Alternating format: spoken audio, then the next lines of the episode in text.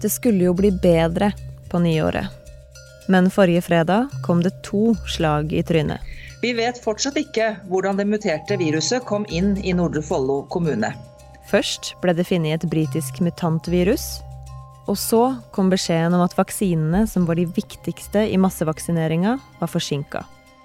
De over én million vaksinedosene Norge skulle fått i februar, blir nok nærmere 200 000 i stedet. Så hvor blir det av vaksinene? Du hører på Forklart fra Aftenposten. Jeg heter Anne Lindholm, og i dag er det fredag 29. januar. Norge har jo så vidt begynt å rulle ut uh, vaksinene. Vi har fått to vaksinetyper hit, men det har gått ganske smått. Andreas Slettholm er kommentator i Aftenposten. Men planen var jo at vi skulle få masse i februar og mars av AstraZeneca. Og der var det forventet én eh, million, i hvert fall i februar og mars. Og så kom det en dårlig beskjed forrige fredag. Samtidig som det ble klart at en eh, britisk mutant herjet i eh, Nordre Follo, så ga AstraZeneca beskjed til Helse- og omsorgsdepartementet at leveransene ble veldig mye lavere av denne vaksinen.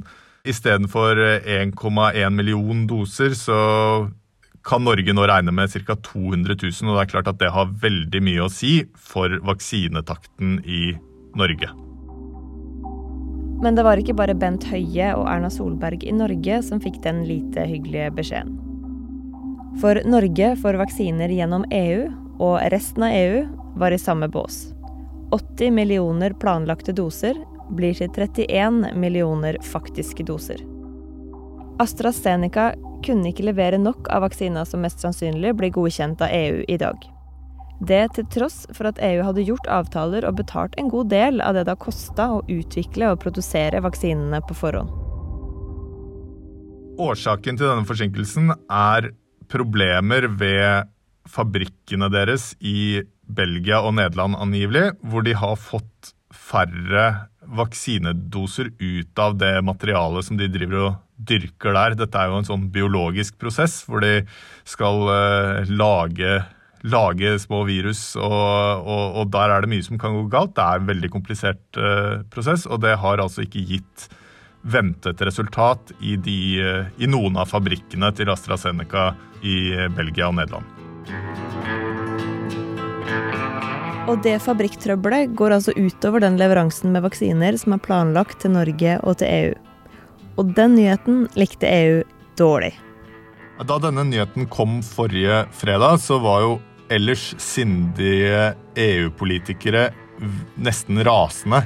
Eh, de syntes eh, nok delvis at denne eh, opplysningen kom vel sent, altså bare en uke før den godkjenningen er forventet og de skjønte heller ikke hvorfor denne svikten bare skulle ramme EU. Fordi eh, på europeisk jord så produserer jo også AstraZeneca vaksiner til Storbritannia. Og de skulle altså ikke da være rammet av denne konflikten.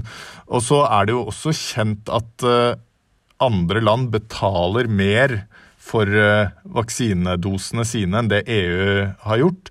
Eh, og det fikk i hvert fall enkelte til å spekulere i om det var sånn at disse eh, vaksinene som skulle gå til EU, og som EU hadde en avtale med AstraZeneca om å forhåndsprodusere, da i realiteten var solgt til andre land for en høyere pris. Hva sa AstraZeneca til det, da? Nei, Dette siste eh, avfeide de vel ganske klart som konspirasjonsteorier. Og så er det sånn at den avtalen som AstraZeneca inngikk med Storbritannia, ble inngått før den avtalen som de inngikk med EU.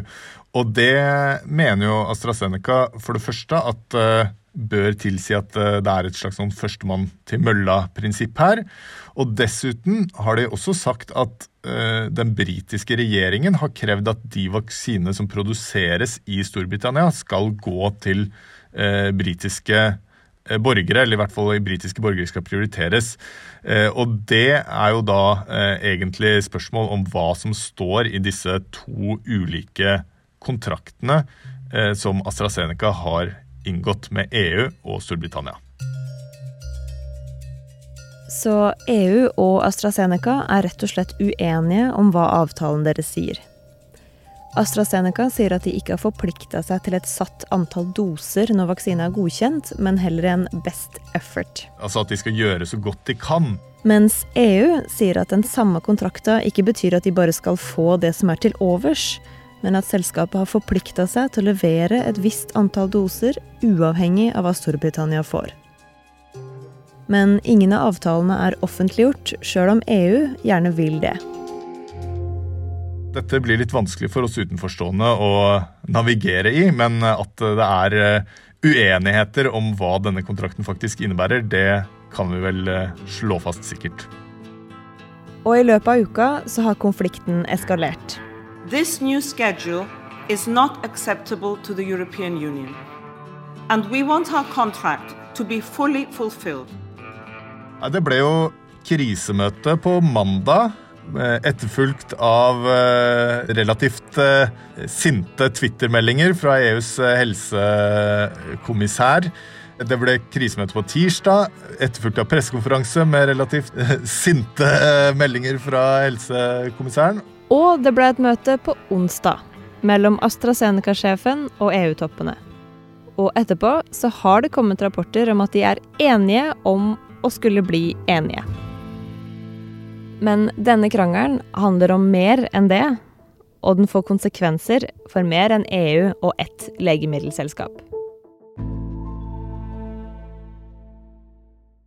EU har jo i første omgang krevd åpenhet, transparens, over hvor mange vaksiner som er sendt hvor, og når, og eh, videre planer for levering. Eh, og det handler jo litt om at EU eh, e trenger økt kontroll for å kunne stole på disse produsentene. Men i krangelen mellom EU og AstraZeneca så finnes det én viktig spiller til. Uh.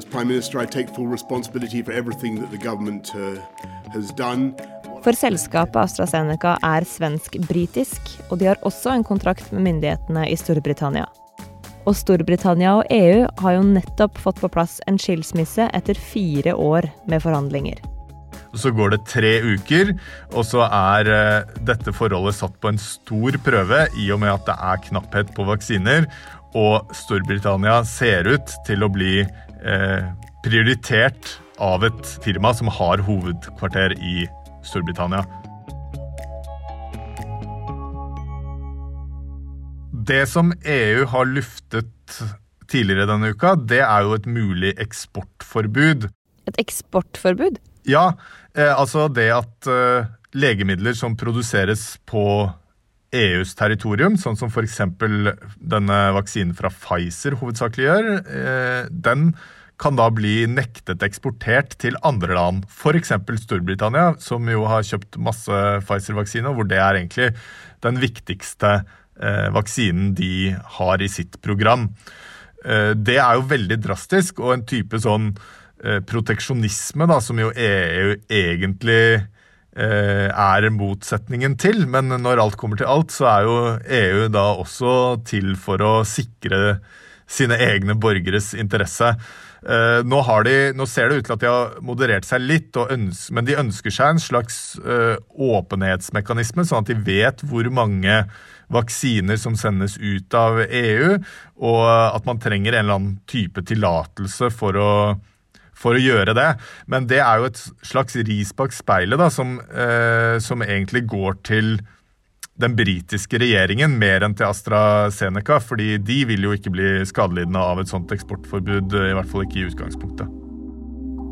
Men dårlig stemning vil det definitivt kunne bli. Ikke minst fordi det står så mye på spill her. Flere land i EU har overfylte sykehus, og Storbritannia har akkurat passert 100 000 koronadødsfall og er på femteplass i verden når det gjelder dødsfall per innbygger. We truly did everything we could and continue to do everything that we can uh, to minimize loss of life and to minimize suffering in what has been uh, a very, very difficult crisis for our country. And we will... Dette er jo en, uh, en helt sånn spesiell handelskonflikt, kan man si, fordi det som uh, er i potten her, er jo så utrolig verdifullt. Dette er, ikke, dette er ikke en hvilken som helst vare, dette er det som skal løse denne globale pandemien. Sånn at det er så høye uh, det er så høyt spill, og uh, man kan godt se for seg at dette vil skape en langvarig, intensivert konflikt mellom Storbritannia og EU. Men på sikt så kan det her handle om mer enn konflikten mellom EU og Storbritannia, og om mer enn hvilken farge det er på passet til de som får vaksiner fra AstraZeneca først. Dette handler jo litt om hvordan du skal fordele eh, vaksiner når det er knapphet på det. Men så er jo EU da eh, Tar jo på en måte også en kamp for åpenhet om produksjonen. Både EU og Storbritannia har jo betalt masse penger for å få de til å produsere og utvikle vaksiner.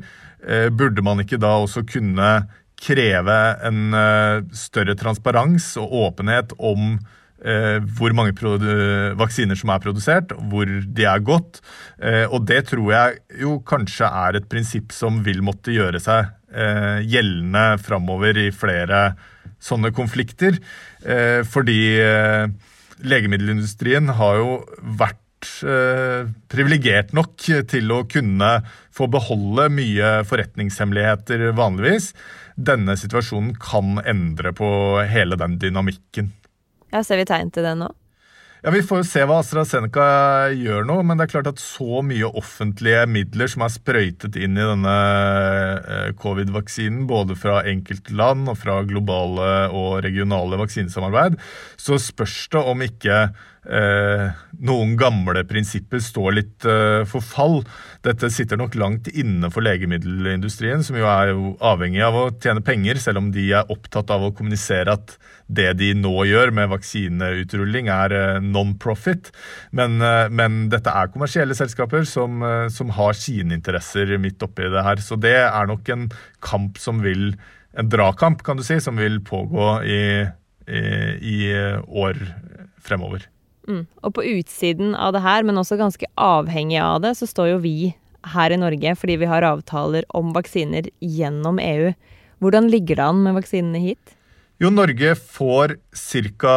40 000 vaksiner i uka fra Pfizer, og så får de et eh, mindre antall fra Moderna, som er de to som er godkjent nå. Eh, det har også vært litt leveringstrøbbel med den Pfizer-vaksinen, men det ser ut til å være i orden nå.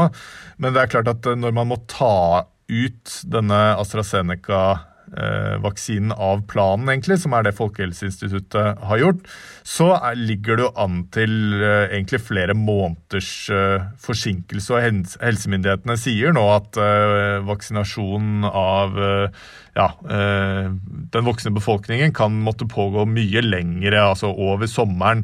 Men det er vel fortsatt sånn i et stort perspektiv så kan man vel si at Norges befolkning kommer til å bli vaksinert, og de kommer helt sikkert til å bli vaksinert i løpet av 2021. Og det er jo viktig også å si at AstraZeneca sier jo at de skal levere alle disse vaksinene som EU og Norge har bestilt. Det tar bare litt lengre tid. Så sannsynligheten er høy for at det tar en stund før økonomien er oppe å gå, før de som er permittert eller sagt opp, får jobben sin tilbake. Og vi kan nok se langt etter ferie med hvit sand mellom tærne og billig øl i sommer. Men for de som bor i fattigere land, kan det ta mye lengre tid før de er ferdig med alt det her. As we speak, rich countries are rolling out vaccines, while the world's least developed countries watch and wait. Og det gjør Tedros Gebreyesus i Verdens helseorganisasjon bekymra. The world faced a catastrophic moral failure if it doesn't walk the talk on vaccine equity. Minst 85 fattige land vil ikke ha ordentlig tilgang på vaksine før i 2023, ifølge en ny analyse. WHO tidlig i pandemien tok jo initiativ til en sånn global eh, orden, hvor man egentlig vil ha en global avtale. Eh, men det lot seg jo ikke gjøre. Rike land var uinteressert i å vise så stor eh, solidaritet. Men samtidig, mener Andreas, så kan det hende at hvis ikke pengesterke land og EU hadde betalt på forskudd og krevd vaksinene så fort, så er det ikke sikkert det hadde gått like fort å få dem utvikla heller. nå når vaksinene begynner å bli klare, så, så er jo WHO veldig opptatt av at det er i hele verdens interesse å også få vaksinert fattige land så fort som mulig. Så er det jo veldig viktig å huske at mange fattige land har en mye lengre eh, vei å gå før de har vaksinert eh, sin befolkning. Det mangler mye penger i det globale vaksinesamarbeidet for å få vaksiner til hele verdens befolkning, men jeg tror det er urealistisk at eh, rike land på en måte skal si at eh, nei, vi lar de fattige land gå eh, foran. Men det som er viktig, er at de rike landene ikke må, må glemme engasjementet for de fattige landene når eh, deres egen befolkning er vaksinert.